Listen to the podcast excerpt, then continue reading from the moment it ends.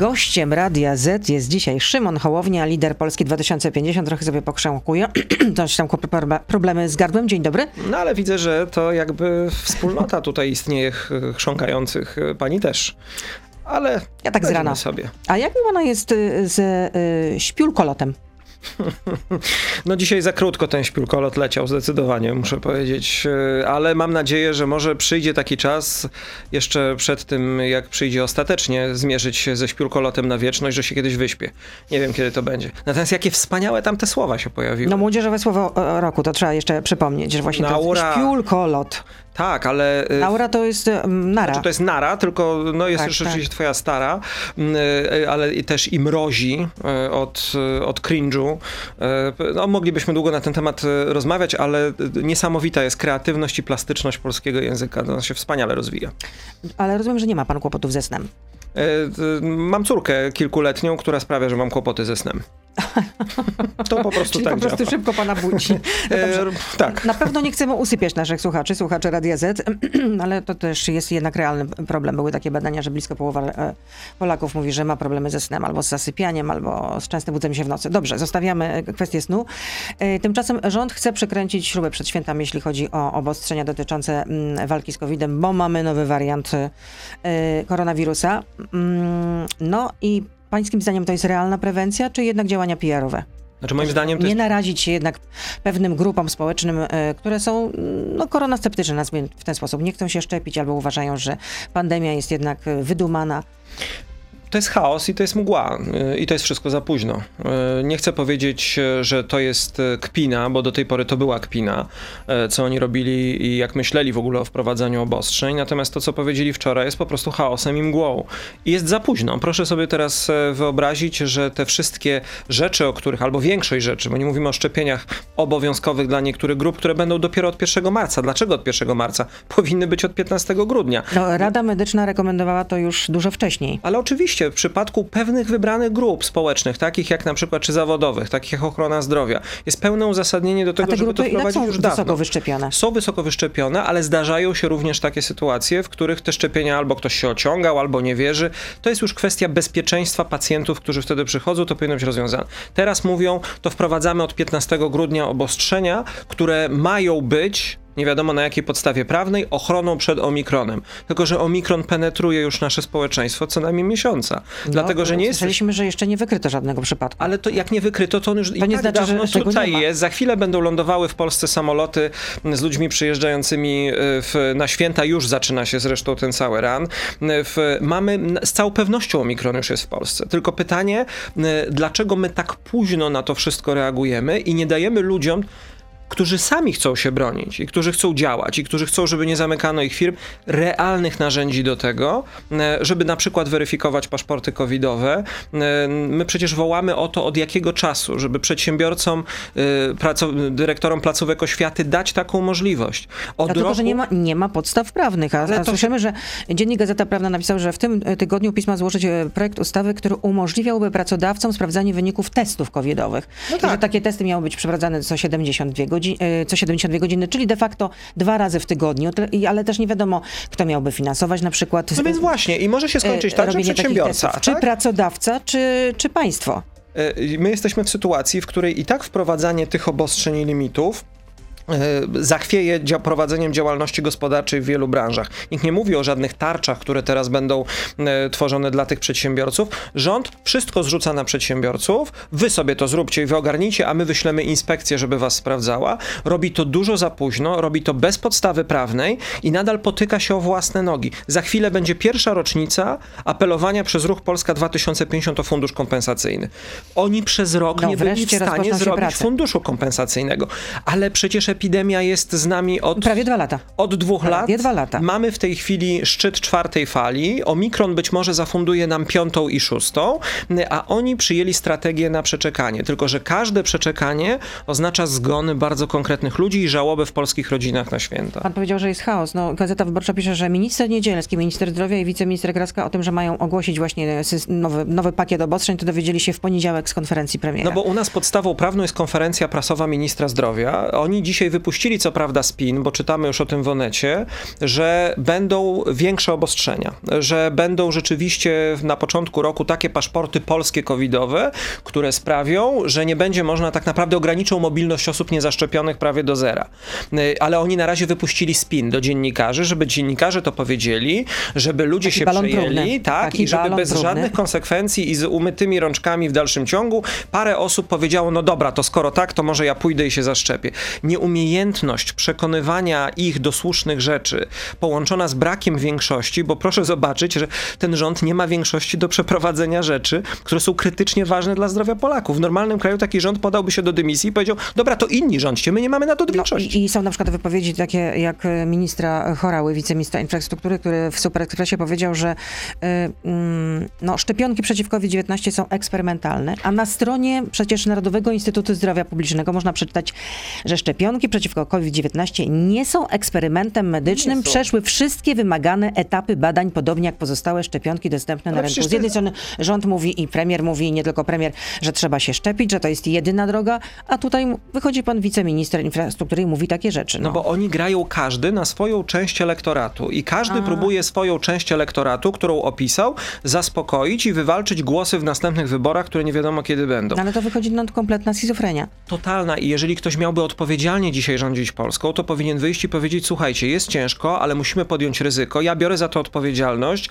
musimy przez to przejść, poprowadzę, damy radę, dać ludziom poczucie bezpieczeństwa. Ja dzisiaj w Rzeczpospolitej opublikowałem taki list do, do, do niezaszczepionych. Tak, ale bo wydaje mi się, to, że to jest szalenie szczepić. ważne. A czy pana żeby zdaniem- rozmawiać z tymi ludźmi, bo to nie są jacyś, osz, to, to w większości nie są jakieś oszołomy antyszczepionkowe. To są ludzie, którzy mają wątpliwości. A pan też Mówią, ma wątpliwości? nie, ja nie mam, znaczy to jest oczywiście procedura medyczna. To znaczy zawsze z każdą procedurą No, medyczną wiąże się ryzyko. co, co można przeczytać na stronie Narodowego Instytutu, Tak, Instytutu y, ale Zdrowia zysk, Publicznego. ale zysk jest dużo większy. Ale nawet jeżeli jest jakieś ryzyko, ja się szczepię i na dur brzuszny, i na żółtą gorączkę, i na wszystkie choroby tropikalne, na meningokoki, bo jeżdżę dużo po świecie. Jeżeli się szczepię, to wiem, że to jest procedura medyczna, Dobrze, na którą takim- się zgadzam, ale zysk jest nieporównanie większy. Czy w takim razie obowiązkowe szczepienia dla dorosłych Polaków powyżej 18 roku życia? Nie na tym etapie. Na tym etapie powinniśmy wykorzystać wszystkie narzędzia. na tym etapie? Dlatego, że na tym etapie nie wykorzystaliśmy wszystkich narzędzi z kroku A, czyli z przekonywania tych, którzy jeszcze nie są przekonani i którzy, jak Ale mówię, jak można ich mają przekonać? w ten sposób, że się z nimi rozmawia. Jeżeli ja rozmawiam z człowiekiem, który mówi, wiesz co, ja bym się nawet zaszczepił, ale mam pewne wątpliwości, bo szczepię dzieci Ale- na wszystkie ale choroby, znaczy jak- a ta szczepionka jest dopiero rok, tak jak właśnie mówię, ta do, szczepionka jest dopiero rok na rynku i ja mam wątpliwości. No. Ja mu mówię, słuchaj, ale zobacz, jakie są statystyki, jakie są dane, nie wiesz w ten fake news. Państwo powinno zapewnić ci bezpieczeństwo, gdyby był fundusz Ale co kompensacyjny. to znaczy, On mówi, że premier i ma po prostu pójdę. jeździć po Polsce i opowiadać o Nie, tym generalnie? ale no, trzeba no, otworzyć telefon covidowy dla ludzi, którzy mieliby wątpliwości. Ale trzeba zrobić fundusz kompensacyjny, który znowu poz- pozbawi jakąś część tych ludzi No wątpliwości. będzie, no Ale- będzie teraz uchwalone, jak rozumiem. Ale no. kiedy będzie uchwalony, jak oni o tym, my zaczęliśmy mówić o tym w grudniu, oni w marcu zaczęli pracę nad tym, a mamy dziękować Bogu grudzień i funduszu kompensacyjnego dalej Czyli nie pan ma. nie jest zwolennikiem obowiązkowych szczepień, jak rozumiem. Na tym etapie uważam, że obowiązkowe masowe szczepienia, szczepienia powszechne, na to jest za wcześnie. Być może przyjdzie taki czas, jeżeli dobrze nie zrobimy tego kroku A, czyli wysycenia środkami zachęty do Czyli- szczepień tych ludzi. Czyli A trzeba nadzieję, szczepić że, obowiązkowo że grupy zwiększy się zawodowe. zdecydowanie liczba Polaków, którzy się zaszczepią. A czy posłowie e, Polski 2050 zagłosują za tym projektem e, Lewicy? Nie. Za tak? obowiązkowymi szczepieniami na tym etapie nie. Znaczy być może poseł Wojciech Maksymowicz, który ma w tej sprawie inne zdanie, I jest lekarzem. jest lekarzem, e, zresztą wybitnym, zdecyduje się zagłosować inaczej. Nie rozmawialiśmy z nim jeszcze o tym. Natomiast my w ruchu wychodzimy z takiego założenia, że najpierw zrób, najpierw zachęć ludzi, a później e, sięgaj po następne kroki. Jeżeli nie zrobiłeś tego, nie masz moralnego prawa do robienia tego drugiego. No to tyle w części radiowej. Oczywiście Szymon Hołownia z nami zostaje. Jesteśmy na Facebooku, na Tak? Radio Z.pl. No tak, no nie wychodzi no pan dobrze. A, na no Radio dobrze, skoro tak. No przecież lubi pan internet. Ja uwielbiam. No właśnie. y, I jesteśmy na YouTubie, więc proszę zostać z nami. Beata Lubecka, zapraszam. To teraz trochę politycznie. A widzi się pan na jednej y, y, liście z Władysławem pani liście co, wyborczej. Ja już po prostu mam ten kłopot, że co chwila ktoś mnie widzi na jakiejś jednej liście z kimś tam i ja już za chwilę nie będę wiedział, na której jednej liście ja mam z kim wystąpić. Ale ja pytam o pana, czy pan by się widział na takiej liście? Nie wiem, bo nie wiem, kiedy będą wybory. Jak będą wybory, to będziemy podejmowali decyzję o tym, czy będzie pięć list, czy trzy, czy jedna, czy dwie. Ale czyli będziemy podejmować decyzję na ostatnią chwilę. E, nie, wtedy, kiedy, będą, kiedy będziemy wiedzieli, kiedy będą wybory. W Czechach to się udało dobrze ułożyć na 9 miesięcy przed wyborami, bo to był ten timing, w którym dobrze było to zrobić. E, w, na Węgrzech jest zupełnie inna sytuacja, to jest zupełnie inny przykład, zresztą jak ostatnio rozmawiałem z Peterem Makizajem, to on też potwierdzał i pokazywał, że mamy w Polsce zupełnie inną sytuację, bo oni tam zrobili tę jedną listę pod okręgi jednomandatowe, czyli zrobili tak naprawdę to, co my zrobiliśmy w pakcie senackim i co i tak będzie w Polsce, więc to już mamy załatwione. Natomiast e, e, kłopot jest z datą wyborów. Bo jeżeli Kaczyński zrobi te wybory na szybko, bo ja go sobie wyobrażam, że on pójdzie w pewnym momencie do telewizji na święta na przykład i powie: Słuchajcie, sytuacja jest dramatyczna, jest bardzo ciężko, e, ja muszę się bujać z jakimiś mejzami, to osłabia ducha, potrzebujemy większości, e, to jest sytuacja, w której musimy odbudować silną większość, idziemy na wybory, to ale, my mamy bardzo późno. Ale ktoś musiałby to przegłosować, no to, to po pierwsze generalnie. Albo Dudą to zrobi, bo Dudą to może zrobić od 31 stycznia do 14 lutego i no wtedy tak, wybory są 27 marca. Tak, jeśli tak. Przykład nie uchwalony zostałby budżet. Rzeczywiście można wykonać Można coś manewr. takiego zrobić, ale, ale... Je, ale jeżeli wybory są w październiku 23, to na takie ruchy jest zdecydowanie za wcześnie. I to jest właśnie kwestia intuicji też liderów politycznych, którzy muszą dzisiaj wyczuć, e, w, jak wygląda ten kalendarz Kaczyńskiego, żeby go przejąć i narzucić swoją narrację, bo my niestety dzisiaj gramy cały czas w grę Kaczyńskiego. Jesteśmy reaktywni do jego ruchów i do jego kalendarza, który on nam rzuca, a my później będziemy za nim biegać i decydować. Ale ja pytam dlatego też, o to dopytują słuchacze. Jarosław pyta, Wspólny Komitet Wyborczy Polski 2050 i PSL-u, tak czy nie? Jasna odpowiedź. Nie, nie wiem, na, na, tym etapie nie udzielę takiej odpowiedzi. Jak będziemy się zbliżać do wyborów, to wtedy powiem. Y, wyobrażamy sobie różne opcje. Ciekawe badania ostatnio PSL robił, zresztą o tym y, w, y, w opowiada, które pokazuje, że w takim, w, jeżeli idziemy w takim kierunku, że zaczynamy się, powstają dwie takie opozycje, jeżeli mogę tak powiedzieć, czy dwa centra, jedno wokół Platformy, drugie wokół ruchu Polska 2050, to następuje demobilizacja elektoratu PiSu. Wtedy się bardzo bardzo spłaszczają wyniki partii, które biorą udział w wyborach. E, w, sporo wyborców PiSu wtedy przechodzi do niezdecydowanych, a więc może się okazać, że też jest do przejęcia e, później w tych wyborach. To, mówię, jest za wcześnie na to, żebyśmy podejmowali takie taktyczne decyzje. No, zapytałam również pana, ponieważ e, wczoraj na pana miejscu siedział Władysław Kośniak-Kamysz, wybrany ponownie na, ponownie na prezesa PSL-u, po raz trzeci zresztą. No powiedział, że no, w sumie sugerował, że no niczego nie można wykluczyć, że są różne rozwiązania i że światopoglądowo to wy jesteście ze sobą blisko. Tak, ale PSL jest, i Tylko to jest pytanie, jak to Polska zrobić, 2050. żeby w, rzeczywiście zapewniło to spójność, również programową, również wizerunkową. Oni są partią ze 126-letnią tradycją, my jesteśmy partią, która obiecuje Młodziutką. nową politykę i wchodzi, młodziutką, Świeżutką. ale niezwykle dynamiczną i też y, przynoszącą wiele nadziei. Więc Taka nowalika. musimy to... Taka nowalika. Nowaliki są niezwykle zdrowe i jest w nich wiele witamin, więc myślę, że to jest y, bardzo poważna decyzja. Jesteśmy jesteśmy, jesteśmy jeszcze sporo czasu od niej. A Donald Tusk nadal podtrzymuje swoją e, wizję pewnej wygranej dla opozycji. Wczoraj e, był w Onecie i mówił, że jedna lista całej opozycji. Jestem powściągliwy, ale nie ukrywam, że najlepsza byłaby jedna lista Znowu? i to gwarantowałoby wygraną. No dlaczego pan nie ufa Donaldowi Tuskowi? Dlatego, Na że- to jest stary polityczny wyga. Dlatego, że e, nie ma racji. No, uważam, że dzisiaj, na tym etapie, nikt nie może odpowiedzialnie stwierdzić, że jedna lista będzie lepsza od dwóch list czy dwóch bloków.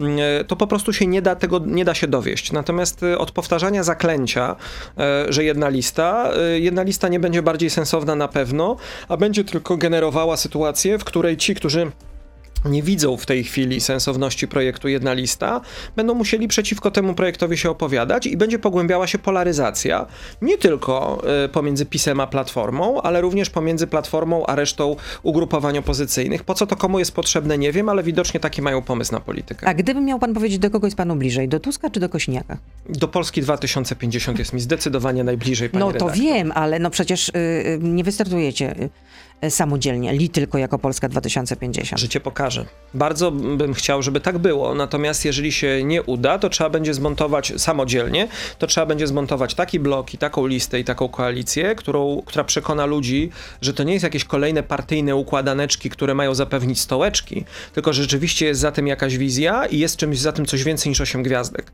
Bo jeżeli my tylko i wyłącznie zrobimy listę pod, pod, pod 8 gwiazdek, no to, to, to nie jest projekt, który mnie interesuje. Trzeba oczywiście odsunąć PiS, ale ale trzeba też mieć wspólny pomysł na Polskę. Jeżeli ja miałbym go robić z PSL-em, to musiałbym najpierw usiąść i dogadać się z PSL-em co do ważnych rzeczy programowych, a my się w pewnych zgodzimy, ale w pewnych będziemy się rozjeżdżać. Na przykład gdzie? Na przykład w agendzie ekologicznej myślę, że będziemy się rozjeżdżać.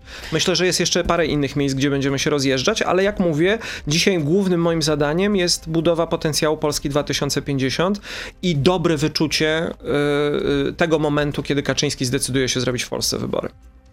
A kiedy się zdecyduje? Nie wiem, bo tak jak mówiliśmy, może to zrobić Dudą. Jeżeli położy wniosek o samorozwiązanie Sejmu, to ja przypuszczam, że Platforma zagłosuje za tym wnioskiem, a to oznacza rzeczywiście krótszą kadencję Sejmu. No i wreszcie wybory w październiku 23. Jakby mnie dzisiaj pani zapytała, co obstawiam, to obstawiam przyszły rok, ale nie wiem czy wiosnę. Myślę, że może jesień, się to osypywać. Może jesień. A jeśli mówimy o wizji, to ostatnio zaprezentowaliście program gospodarczy, ale właściwie to było bardzo hasłowe, więc chciałabym zapytać, bo proponujecie obniżenie VAT-u. Y, z 23 do 20 i z 8% na usługi budowlane, remontowe y, do 7%. Ale ile na tym straci y, budżet państwa? Wyliczyliście, jakie są? Znaczy, po pierwsze, my postulowaliśmy... No bo to tak będą niższe tak, wpływy. Tak. Po pierwsze, postulowaliśmy zrobienie tego już teraz w ramach tej działalności antyinflacyjnej i razem z tym pakietem... Ale to nie nastąpi, bo minister finansów powiedział, że gospodarka tego nie udźwignie. Ale nie ma takiej możliwości od 2020 opowiada, jeżeli mamy sytuację, w której oni sami w noweli budżetowej pokazali, że z VAT-u samego, ze względu na inflację i tego, że za wszystko płacimy drożej, a więc VAT jest większy, mają więcej 33 miliardy złotych. E, jeżeli no dobrze, my, ale były również ale jak... po pandemii. Inkbank Śląski wyliczył, że y, będą mniejsze wpływy z VAT-u y, o 10 miliardów. Ale oni w noweli budżetowej powiedzieli, że do budżetu wpłynie w tym roku i to jest jakby przez nich opieczętowane 33 miliardy złotych. Jeżeli, od, jeżeli obniżamy VAT teraz na 27%, to w połączeniu jeszcze z, tym, z tą zmianą opłaty paliwowej, którą proponowaliśmy, to jest 29 miliardów kosztu dla budżetu. Więc to jest mniej niż oni nam wzięli do budżetu. Jak załatać tę Ale lukę? później, jeżeli chodzi o długofalową perspektywę obniżenia VAT-u, to ta długofalowa perspektywa powinna się przede wszystkim opierać na obniżeniu tej luki VAT-owskiej, która w Polsce wciąż wynosi ponad 11%. W, Cypr sobie poradził, Estonia sobie poradziła, Holandia no dobrze, sobie poradziła, my sobie poradzimy. gdzie indziej, tylko w co, w co zamian? Ale właśnie co mówię, ograniczenie luki VAT-owskiej i też doprowadzenie do takiego rozwoju gospodarki poprzez e, właśnie choćby tę zmianę podatkową, że tych podatków będzie per saldo wpływało do budżetu więcej. A co My, to znaczy zmiana podatkowa w waszym wykonaniu? Bo, to znaczy, znaczy jeżeli, obniżenie nie, czy, 20, czy uproszczenie? 20 i 7, tak jak Aha, powiedziałem, to chyba, ale, też, ale też uproszczenie, bo nasza koncepcja, której piszemy w tym planie jednolitej daniny, to też jest rzecz, która mam wrażenie pomoże likwidować szarą strefę i uprości relacje Polaków z, podat z, z organem podatkowym, z państwem i ze skarbem państwa tak, że ściągalność podatków może okazać się większa. W, przy prostszej ich konstrukcji i nie podwyższaniu, e, w, jeżeli mam teraz 20 baz, ulg, kwot wyjściowych, to naprawdę trzeba radykalnie uprościć. E, w... co to znaczy w waszym wykonaniu danina jednolita? Bo to też pytają słuchacze. Danina jednolita co, co, to jest to znaczy? sytuacja, w której e, osoba fizyczna, czy, czy prowadząca, znaczy akurat w prowadzeniu działalności gospodarczej nie będziemy robić, wysyła jeden przelew w, w którym jest wszystko. I wszystkie podatki, i wszystkie ZUSy, i wszystkie składki chorobowe, rentalne, emerytalne i państwo się zajmuje tym, że dzieli to później sobie na kątka i subkątka i ta jednolita Czyli, danina... pracodawca będzie za mnie odprowadzał e, składkę, jest tylko prosta. ja mam, tak? To można zdecydować, czy ty, ale na pewno prosi, prosi ci będzie to wyliczyć. To znaczy, ty będziesz w stanie usiąść z, z, ze swoim wynagrodzeniem i jasno powiedzieć, wszystkie moje obciążenia w stosunku do państwa wynoszą tyle, e, ten kalkulator jest bardzo prosty, a nie zastanawiam się, ile część pracodawca, ile ja, ile ten, ile to wszystko w sumie kosztuje. To ma być upraszczające i zostanie tak przygotowane, że będzie rzeczywiście kosztowało nas mniej energii. Proszę tylko jeszcze pamiętać o jednej rzeczy. To, co myśmy pokazali, to jest plan to są kierunki. Natomiast y, w momencie, w którym będziemy zbliżali się do, y, do wyborów, do przejęcia odpowiedzialności, y, będą szczegóły, tak? Na weźmiemy dane makroekonomiczne, dlatego że je trzeba wziąć. Dlatego, że po pierwsze część z nich będzie się dramatycznie jeszcze zmieniała w związku z pandemią do wyborów. Druga część to jest to, że my nie wszystkie dane makroekonomiczne mamy, bo nie sprawujemy władzy, a oni kitrają, kombinują, wyprowadzają dług poza budżet i robią tysiące innych rzeczy.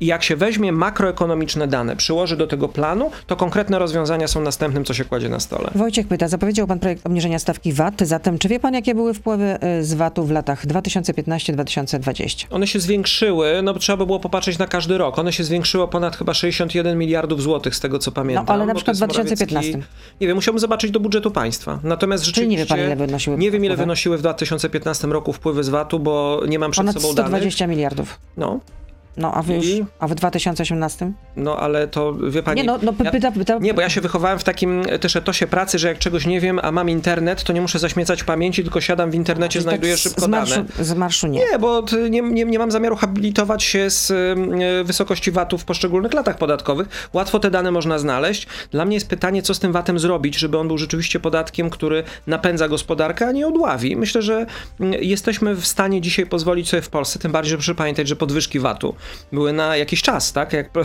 po- podwyższano VAT, to miano go za chwilę Na obniżać. dwa lata, na dwa lata No, był. Tak mówił to rząd kończyło. e, Platformy Obywatelskiej i PSL-u. czasu, Tak, No. W 2018 roku te wpływy były prawie 175 miliardów, sprawdzałam. Takie są oficjalne Bo- dane Ministerstwa Finansów. Bo to się wiązało oczywiście z luką VAT-owską, ale to się wiązało też e, z takim, a nie innym sposobem e, rozliczania, księgowania i, i opisywania gospodarki, jaki jest. Myślę, że tu też jest jedna ważna rzecz, której my też w tym naszym planie dla gospodarki mówimy, e, żeby zacząć uczciwie ludziom mówić, e, jak wygląda choćby nasze zadłużenie.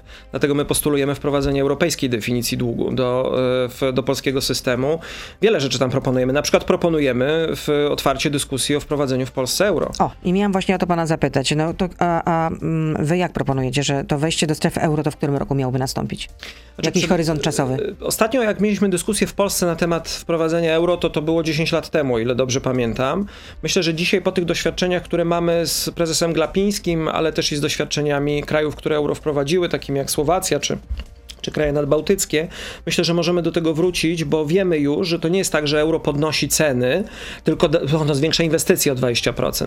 Kiedy nam się uda doprowadzić finanse Tak, publiczne ale do takiego gdyby stanu, doszło do jakiegoś potężnego kryzysu, to Polska przez, e, przez no ma jednak kurs walutowy, który mogłaby dysponować i mogłaby sobie z tym lepiej poradzić, niż gdyby była wewnątrz z strefy prezesem euro. Glapińskim? Słucham? Z prezesem Glapińskim? A podejrzewa pan, że prezes Glapiński będzie kolejną kadencję? no, jak będzie miał taką intensywność e, opowiadania bzdur, zachowań godowych, drukowania banknotów e, z rodziną Kaczyńskich i jeszcze wielu innych rzeczy, to ja nie wiem, co Akurat będzie ten na banknot wiosnę. się bardzo Polakom spodobał. Został wykupiony na, na pniu. E, Cieszę się i p- niestety przypuszczam, że to zwiastuje kolejne sukcesy w zakresie drukowania pieniądza, które pan Glepiński będzie realizował w No najbliższym tak, czasie. ale dopóty, dopóki rządzi Prawo i Sprawiedliwość, niezależnie od tego, czy prezesem banku, ponow, e, ban, Banku Centralnego ponownie zostanie Glapiński, czy też nie, to nie wejdziemy do strefy euro. Nawet nie on takiej Ale możliwości. my nie wejdziemy do strefy euro nawet e, w przyszłym roku, ani nawet w jeszcze następnym, dlatego że to Czyli są co, mechanizmy, które muszą 10 nas lat? doprowadzić. Tak, myślę, że w takiej perspektywie moglibyśmy poważnie zacząć o tym rozmawiać, m, w- bo ta rozmowa zniknęła, ona się zawiesiła, a myślę, że trzeba ją znowu otworzyć. Data finalna zależy od bardzo wielu czynników i długiej drogi, którą jeszcze musimy przejść. Ale ja bym tę rozmowę otworzył, uważam, że warto to zrobić. Jacek Liberowski pyta, mm, czym tak konkretnie różni się Polska 2050 od pozostałych partii opozycyjnych? Program gospodarczy z lepkiem programów innych partii. To jest subiektywna ocena, ja się z tym nie zgadzam. E, W, proszę zobaczyć, ile w tej, mm, w, w, w tej propozycji jest, e, nawet jeżeli ktoś mówi, że jeszcze nie przełożonych na makroekonomię, konkretów, e, które pokazują, w którą stronę chcemy iść. E, Jak myślimy w ogóle o gospodarce? Przecież my w programie czy planie gospodarczym mówimy o pensjach nauczycieli, mówimy o ochronie zdrowia, mówimy o tym, jak to płuco, które wytwarza cały ten nasz dochód narodowy, musi też widzieć to płuco, które przekłada to na usługi publiczne. Zrobiliśmy w ciągu roku bez państwowych pieniędzy, tylko z darowizn, ze składek. Postawiliśmy think tank, który zrobił program na transformację energetyczną, który zrobił na ochronę zdrowia, który teraz konsultowaliśmy w Sejmie, na gospodarkę. Kończymy edukację, rozdział kościoła od państwa, Trybunał Konstytucyjny. Proszę mi pokazać partię, która tak poważnie traktuje program dzisiaj w Polsce. Tym się różnimy od innych partii. A różnimy się też tym, że mam wrażenie, że my jesteśmy jedynym ugrupowaniem politycznym, które autentycznie przejmuje się tym, że y, dzisiaj problemy, które leżą przed nami, nie są problemami na kadencję. To jest naprawdę na pokolenie. To jest naprawdę na I pokolenie. jest kolejne pytanie od słuchacza. A co słychać u Jaśminy? Bardzo dobrze się ma. Nie wiem, czy wzięła Pani na przykład udział e, w naszym antyinflacyjnym Nie. e, plebiscycie dotyczącym tego, ile będzie kosztował majonez kielecki e, w, w perspektywie końca roku. Jaśminę rozkręcamy, rozbudowujemy. Chcemy, żeby ona była coraz bardziej mm, narzędziem do rzeczywistego włączania ludzi w e, pytania polityczne, tylko to jest też duże wyzwanie technologiczne. A ilu jest zarejestrowanych użytkowników? E, nie powiem pani na dzisiaj, bo nie sprawdzałem, ale to jest około 30 tysięcy. 20 duże, 20 kilka tysięcy, ale musiałbym sprawdzić. No to szału nie ma. Ilu jest. Szału nie ma? Mhm. A proszę mi pokazać e, jakieś punkty odniesienia, które pozwolą nam stwierdzić, że nie ma szału. E, w, ile ma aplikacja e, Platformy Obywatelskiej, Lewicy, Prawa i Sprawiedliwości, bo e, nie wiem, jakie tam są wartości. Zrobiliśmy coś, czego nie było, zrobiliśmy to fajnie, zgromadziliśmy kilkadziesiąt tysięcy ludzi, którzy chcą się wypowiadać. Myślę, że to jest powód do Ale świętowania. to w takim razie tam będą takie plebiscyty, ile będzie kosztował majonez kielecki? Nie, końca to było oczywiście, no można powiedzieć trochę pół serio, tak? pół serio, ale my tam y, tego narzędzia używaliśmy do podejmowania decyzji już politycznych, jeżeli na przykład chodzi o handel w niedzielę y, w, i będziemy, i, i naszych planach jest to, żeby używać go jeszcze bardziej, jeszcze bardziej intensywnie, a przede wszystkim to, co nad czym teraz pracujemy, to wyposażenie w nowe funkcjonalności, które mam nadzieję na początku przyszłego roku zaczną, e, zaczną się w niej pojawiać. Jakie nowe funkcjonalności A, to, to- będą? To są, to są rzeczy związane z, tylko to też jest no teraz no, uczestnictwo w imprezach nam e, ogranicza COVID, e, ale w, związane z geolokalizacją, jeżeli ktoś będzie chciał, z e, dostępem do różnych treści, które będą e, specjalnie dla użytkowników Jaśminy. Mamy na to pomysł i nie zawahamy się go użyć. Daniel pyta, skoro Szymon Hołownia tak bardzo jest za rozmową w sprawie aborcji, to dlaczego nie jest za rzetelną debatą pomiędzy specjalistami, mm, którzy y, promują obowiązkową szczepionkę na COVID-19 i tymi, którzy są sceptyczni? Ale przecież jeżeli ja mówię, a my mówimy o tym, ja o tym piszę dzisiaj w Rzeczpospolitej, proponujemy telefon covidowy z ekspertami, którzy będą odpowiadali na wątpliwości ludzi, to przecież ten postulat jest spełniony. E, Do ekspertów od szczepionek, których zatrudni państwo, niech dzwonią ludzie, którzy mają wątpliwości i te wątpliwości rozwiewają. To nie jest zadanie e, w człowieka, który studiował psychologię i jest politykiem, albo historyka, który jest politykiem, tylko specjalistów, a państwo powinno zorganizować to forum. I my uważamy, że to forum dzisiaj powinno być zorganizowane, bo jeżeli uda się przekonać choć jedną osobę, dwie albo pięć, to już jest pięć osób, które nie zarazi mojego niezaszczepionego dziecka, y, które nie spowoduje dramatów w swojej rodzinie. Ja mam teraz y, w swoim otoczeniu mnóstwo zgonów y, młodych ludzi, a czasami całych rodzin, które się nie zaszczepiły. Teraz w otoczeniu moim jest sytuacja, gdzie, gdzie najpierw nekrolog ojca, a za chwilę nekrolog syna, a matka jeszcze jest w tej chwili w szpitalu. To jest naprawdę śmiertelna choroba. I my dzisiaj jesteśmy w warunkach negocjacji, y, które mają na celu uratowanie choćby jednego ludzkiego życia. Moje dziecko ma 4 lata, jest jeszcze nie zaszczepione, no bo y, od 5 roku życia teraz zaczęli szczepić. Przecież ja się każdego dnia boję, czy ono czegoś nie złapie. I myślę, że to jest lęk wielu rodziców w Polsce. Dzisiaj musimy wszystkich, których się da, przekonać do tego, że to bezpieczeństwo naprawdę jest naszą wspólną sprawą, że my w ten sposób troskę i czułość wyrazimy o innych i solidarność, z której jesteśmy tak dumni, nawet jeżeli do końca nie jesteśmy przekonani. Ale jeżeli to ma sprawić, że nie zachoruje e, i nie umrze dziecko kogoś innego, to nie warto tego zrobić. Michael pyta, w swoich wystąpieniach e, pan Szymon Hołownia opowiada się za szerokim wykorzystywaniem paszportów covidowych. To dlaczego w rekomendacjach Polski 2050 przekazanych do e, marszałek Sejmu Elżbiety Witek e, taki punkt się w ogóle nie pojawia? Jest z tego, co pamiętam, bo ja pamiętam, co mówiłem na, w spotkaniu marszałek Witek i to na pewno padło. Myśmy od samego początku mówili wyraźnie, że jesteśmy za tym, żeby jak najszybciej, na, ale na konkretnej podstawie prawnej dać przedsiębiorcom, dyrektorom placówek oświatowych, między innymi i, i usługodawcom możliwość weryfikacji paszportów covidowych y, i powiedzenia do mojego kina, do mojej restauracji, y, do mojej szkoły wchodzą tylko ci, którzy mają y, w paszporty covidowe. Trąbimy o tym od paru tygodni, ja mówiłem o tym na spotkaniu z marszałek Witek, jest na to dużo świadków. Jestem A przekonany, że nie to się byłby też taką przepustką? Słucham? A test negatywny na obecność Ale koronawirusa paszport covidowy dzisiaj to jest nie byłby też taką prze- przepustką? Ale paszport covidowy to również jest test. Ja Znaczy, wiem. Bo to jest ozdrowienie, szczepienie albo test na dzisiaj. E, W, i, no tak. No nie, no testy wyko- Nie, no, y, y, kod QR. Ale dobrze, no ale który ja jestem zaszczepiona, ale przecież też mogę się zakazić y, koronawirusem.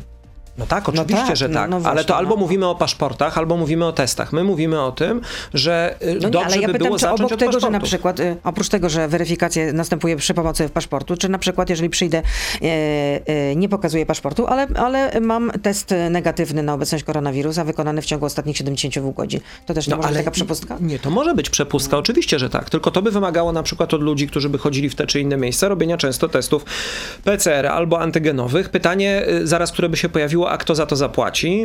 E, dzisiaj ten kod QR, który uprawnia nas do wejścia na przykład, nie wiem, we Włoszech, w Czechach czy w innych miejscach do miejsc publicznych, t, zawiera w sobie te trzy opcje. Więc to nie jest zmuszanie dzisiaj ludzi do szczepień. Jeszcze wczoraj była ta, ta dyskusja, czym się różni obowiązek od przymusu. Zaczęły się leksykalne spory i etymologiczne. Obyśmy tak se dalej dyskutowali. Może w marcu zaczniemy szczepić tych, te, te, te służby mundurowe, a może od razu powiedzmy, że w sierpniu wirus na pewno na to wszystko poczeka. Ja nie rozumiem, jak można nie mieć w sobie, oni tu mówią o genie sprzeciwu, który Polacy y, lubią prezentować. Jak można nie mieć takiego Kraska o czymś takim genu odpowiedzialności, że dzisiaj chrzanić twoją czy moją karierę polityczną, dzisiaj trzeba ratować ludzi. I jak nie chcemy o sobie czytać później w podręcznikach, jako o tych, którzy doprowadzili do tego, że kilkadziesiąt, kilkaset tysięcy Polaków zmarło, to trzeba wziąć odpowiedzialność i zacząć robić rzeczy ratować ludzi. Jacek pyta, pana żona jest żołnierzem. Jest. Pilotem. Czy przynosi y, opowieści z pracy, co też jej mąż wygaduje na streamach o polskich żołnierzach, siedząc w ciepłym foteliku i chwaląc posła Sterczewskiego? Nie rozumiem związku y, pomiędzy moją żoną i mnie, mną w ciepłym fotelu y, no, i posłem ale, ale najważniejsze jest to, co pan mówi na tych streamach o, o polskich żołnierzach.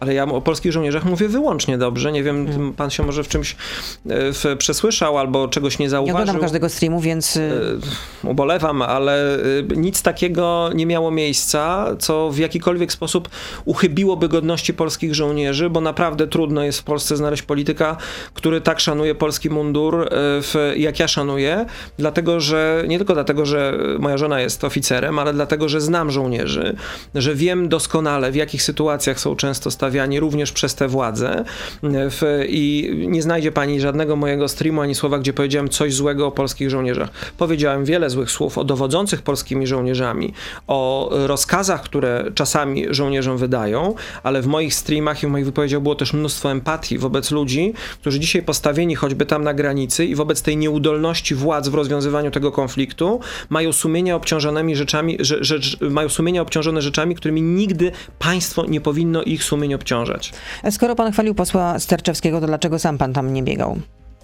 Takie Ale to jest, no to, to, znaczy ja uważam, że Franek Sterczewski zachował się zgodnie z tym, co podyktowało mu serce, potrzeba człowieczeństwa, chciał uratować ludzi, czy pomóc ludziom, którzy dawno powinni być w inny sposób zaopiekowani przez państwo polskie. To, jak państwo polskie ogarniało, w cudzysłowie, sytuację w Usnarzu, było błędem założycielskim wielu innych błędów, które później w tej sytuacji na granicy popełnione zostały. To, to powinno być zupełnie inaczej zrobione od samego początku. Pisze o tym choćby profesor Maciej Duszczyk u nas na stronach Strategii 2050, jak trzeba było od samego początku udrażniać te, znaczy, po pierwsze twardo bronić granicy, po drugie stworzyć korytarze humanitarne, które nie dadzą nam łatki e, w e, ludzi, którzy są nieludzcy i pomogą choćby rodzinom z małymi dziećmi. Słyszymy teraz o sytuacji tej małej dziewczynki, której pół Polski szuka, a po trzecie byłyby rzeczywiście skuteczne w formule międzynarodowej międzynarodowej. Czy pani wie, czy, czy, czy państwo wiedzą, że do końca listopada Niemcy zarejestrowali e, u siebie 10 tysięcy imigrantów nielegalnych, którzy przeszli przez polsko-białoruską granicę albo szlakiem z Litwy, albo bezpośrednio przez tych samolotów łukaszenkowskich. Co to oznacza? To oznacza, że Łukaszenka jest w stanie wkleić nam do Polski 10 tysięcy ludzi, którzy będą mogli być może wywołać jakieś historie i my nawet o tym nie będziemy wiedzieć, bo oni nagle się okazuje, że znajdują się w Niemczech albo w innych krajach. Taka jest skuteczność tych naszych opowieści, a przy okazji nie robimy rzeczy, które powinni robić ludzie, czyli na przykład nie rozdzielać rodzin z dziećmi, nie robić im pushbacków, e, umożliwić korytarze humanitarne, złożenie wniosków, e, umiędzynarodowić te kwestie i mielibyśmy dzisiaj, bylibyśmy dzisiaj państwem, które twardo postawiło się Łukaszence, które pokazało humanitarną twarz i które pokazało się jako partner na arenie międzynarodowej. Co w sytuacji, którą mamy na Ukrainie, e, może być dzisiaj niezwykle ważne dla naszej racji stanu. Ale my rodzinę Putina mamy za to w Warszawie i jesteśmy szczęśliwi. Mówi pan o tym y, Warsaw Summit? No tak? no przecież to jest zapraszanie, to jest, wie pani, to jest paranoja geopolityczna w stopniu, którego ja nie umiem sobie wyobrazić. Będąc w naszym położeniu geopolitycznym, mieć otwarty konflikt z Niemcami, z Czechami, mieć konflikt na wschodniej granicy, a w tym czasie układać się jeszcze z agentami wpływu Putina y, w Unii Europejskiej. Ostre stwierdzenie. Nie jestem w stanie. A, a kim jest, y, przepraszam bardzo, pan Salvini, a kim jest występujący w koszulce z Putinem na Placu Czerwonym i sławiący jego cele? Kim jest jest Marine Le Pen popierająca e, najazd na Ukrainę i mówiąca, że Ukraina jest e, w strefie wpływów rosyjską strefą wpływów. Kim jest Orban, który co chwila mizia się z Putinem, robiąc z nim kolejne interesy. To jest ta drużyna, do której dzisiaj zapisuje nas Kaczyński. Kolejne pytanie od słuchacza. Czemu ukrywa pan sprawozdanie ze zbiórki, ze zbiórki w maju 2020 roku? Z dnia na dzień na koncie nie wiem czy to pana, czy PL 2050 pojawiły się miliony złotych. Z maja 2020 roku? Mm, tak. E, ale mówi pani o kampanii wyborczej? No bo wtedy, o ile dobrze pamiętam, trwała kampania wyborcza. No, trwała, trwała, jako, Przecież jako to jest jakiś, e, Nie rozumiem, to jest jakiś humbug kompletny. Wszystkie sprawozdania z kampanii wyborczej zostały złożone do Państwowej Komisji Wyborczej. E, w, nie ma nic do ukrycia, nie było żadnych milionów, które się tam nagle pojawiły. Mój Boże, gdyby, gdyby tam się pojawiły jakieś miliony, to dzisiaj być może mielibyśmy wygrane wybory. Ja pamiętam, jakie problemy finansowe wtedy mieliśmy w kampanii. Więc żeby się do tego odnieść, musiałbym wiedzieć, o co dokładnie chodzi. Na razie wygląda mi to na jakiś humbug albo pomyłkę. Jeśli dojdzie pan do władzy, w jaki sposób zadba pan o ochronę życia dzieci z zespołem Downa? O mój Boże, przede wszystkim poprzez rozbudowanie i piszemy o tym też, przecież to też mamy opracowane i pokazane, nawet w dwóch dokumentach. Pierwszy to jest analiza programu za życiem, a drugi to jest e, nasz, nasze postulaty, które teraz publikowaliśmy parę dni temu dotyczące e, osób z niepełnosprawnościami. Jak państwo dzisiaj zupełnie inaczej powinno zajmować się ich opiekunami. Jak rozumiem, ochronę życia dzieci z zespołem Downa, czyli we, myślę, że tutaj chodzi w tym pytaniu o to, żeby wyeliminować aborcję. Y, ale to, to, to, to, jest, to, są, y, to, to, to nie jest tak. Znaczy, jeżeli chodzi o aborcję, to moje stanowisko jest bardzo jasne. Moje poglądy są wszystkim znane i nie ma sensu ich y, przedstawiać po raz kolejny. Natomiast ja uważam, że na forum państwowym ta sprawa powinna zostać rozstrzygnięta w referendum.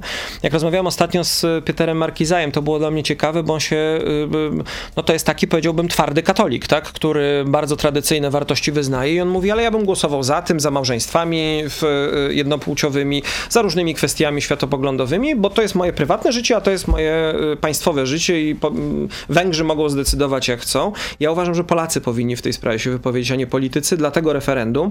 Natomiast y, y, kiedy popatrzy pani na to, jak my nawet po tej sprawie pani Izabeli z Pszczyny, tej tragicznej sytuacji, jak myśmy nie tylko robili larum, ale spróbowali się zastanowić, co zrobić, żeby w tym systemie było tak, że jeżeli kobieta w tak dramatycznej sytuacji trafia do szpitala, żeby momentalnie miała wokół wokół siebie i to jest w naszych propozycjach. Czterech lekarzy różnych specjalności, którym, ale tych samych, którym ona nie będzie musiała za każdym razem odpowiadać przy łóżku, a kiedy ostatnia miesiączka, a co się wydarzyło, tylko będą z nią, że szpital natychmiast uruchomi telefonem pracownika socjalnego, który przyjedzie do niej i zapyta, czego potrzebujecie? Psychologa, hospicjum perinatalnego, a może potrzebujecie już dzisiaj świadczeń e, dla rodziców dzieci niepełnosprawnych?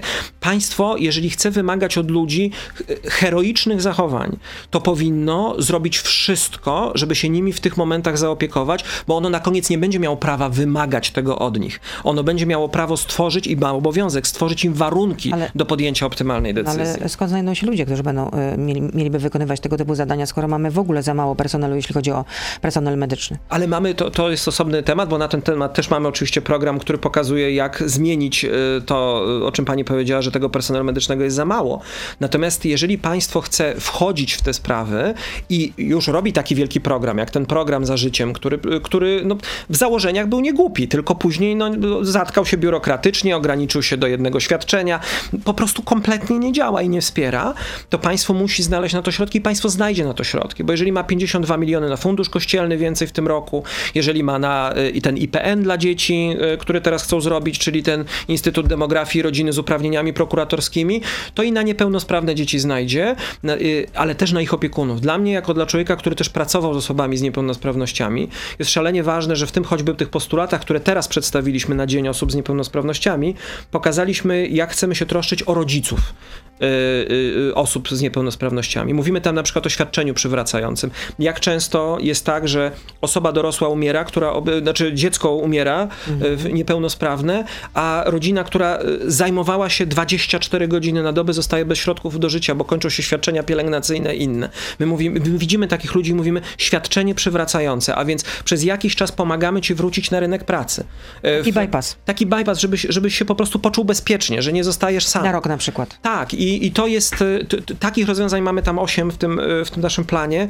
My naprawdę jesteśmy Tylko gotowi do skąd, tego, na to, pie- tylko zrobić. skąd na to pieniądze, skoro będziecie obniżać VAT? Ale będą na to pieniądze, proszę mi wierzyć, że będą pieniądze. Proszę zobaczyć na choćby na dzisiaj to, co robi rząd z Krajowym Planem Odbudowy i z pieniędzmi unijnymi. Po jaką cholerę, już powiem zupełnie wprost, my idziemy na tę wojnę, jeżeli te pieniądze dzisiaj byłyby najlepszym, o tym mówi nasz ekspert Paweł Wojciechowski, Tak, wiem, najlepszą tarczą antyinflacyjną. wypowiedź, ale y, wszystko na to wskazuje, że do końca roku tej zaliczki nie dostaniemy. A nie wiadomo, czy dostaniemy też na początku roku, tylko przecież ja też rozmawiam z politykami europejskimi. Byliśmy o krok od tego, żeby w tym roku dostać te prawie 5 miliardów euro. Oni powiedzieli wprost, wypłacimy wam te pieniądze, zobowiążcie się tylko, że Izba Dyscyplinarna do wiosny nie będzie. Na papierze się zobowiążcie. To nie. To musieli kolejnego sędziego zawiesić, to muszą teraz e, po raz kolejny iść w tę historię Ziobry. Tych pieniędzy nie będzie z Krajowego Planu Odbudowy, a zagrożone są, i to już jest rzecz, która w głowie się nie mieści, pieniądze z wieloletniej perspektywy budżetowej, czyli te, które dostajemy na te wszystkie drogi, na te wszystkie programy spójności i tym podobne rzeczy. Dlaczego? Dlatego, że Kaczyński ma bieda większość i trzęsie portkami przed Ziobrą. PiS jest dzisiaj słaby, PiS jest dzisiaj, no przecież wyobraża sobie pani, że on by Mejzę holował, mówię o Kaczyńskim przez trzy tygodnie, tak jak to teraz robi w czasach, kiedy rzeczywiście był silny. Nie. Oni, oni opowieściami o sile maskują to, że im się to rozłazi w szwach, rozpada, oni nie są w stanie już nad tym zapadać. To jest cień tego PiSu, który widzieliśmy. No najlepszy jak ostatni m- mail, który, y, rzekomy mail, który y, wyciekł ze skrzynki Michała Dworczyka, pokazuje, co się dzieje w Ministerstwie Obrony Narodowej, jak tam dokonuje się zakupów. To warto przeczytać generalnie. No, Ale to jest, czytam, to jest no bajzel, który się w głowie nie mieści. I o tym pisał Michał Dworczyk. No, nawiasem mówiąc. Do tylko, premiera. Tylko robiony za, y, ni, niestety, w czasie, w którym no, my tracimy pieniądze, ale najgorsze jest to, że tracimy czas. E, Świat się dzisiaj tak przestawia i tak przeorganizowuje, że my powinniśmy być w awangardzie e, tych zmian, a my po prostu z nimi tracimy czas. No jeżeli e, patrzyłem ostatnio, ile kosztuje uprawnienie do w emisji e, w e, tony CO2, e, kiedy nasze szacunki Dużo. były prawie 80 euro. Przecież y, my dzisiaj mamy miliardy choćby z tego handlu emisjami, które powinniśmy wpompowywać. Dzisiaj oni już piszą na stronach y, Rządowego Centrum Bezpieczeństwa, co robić, jak będą blackouty. Bo się Boisz pan okazuje... blackoutu? Y, Nie, ale ja widzę, że to nie jest wcale nierealne pod rządami PiSu. Jeżeli oni muszą wyłączać fotowoltaikę latem, bo mają sieci PRL-owskie, które nie są w stanie tego odebrać, a zimą muszą pożyczać prąd od Szwedów i Niemców, y, bo, bo ten system jest po prostu do tego stopnia Szwedzi niewydolny. musieli e, uruchomić kopciucha, generalnie, żeby nam No, poczuć ten prąd. to stres wyobraźni, Dobrze. to może być za tydzień lub dwa. Skończyliśmy. Życzę panu y, oczywiście żelaznej odporności i żebyś pan lepiej wysypiał. Szymon Hołownia, lider To Polski najpiękniejsze życzenie, jakie 2050. mogłem usłyszeć, mam nadzieję, nasza nami. kochana córeczko Marysiu, że też słyszałaś, co pani redaktor życzy tatusiowi oraz mamusi. Dobrego dnia. Wszystkiego dobrego. To był gość Radia Z. Słuchaj codziennie w Radio Z i na player radioz.pl.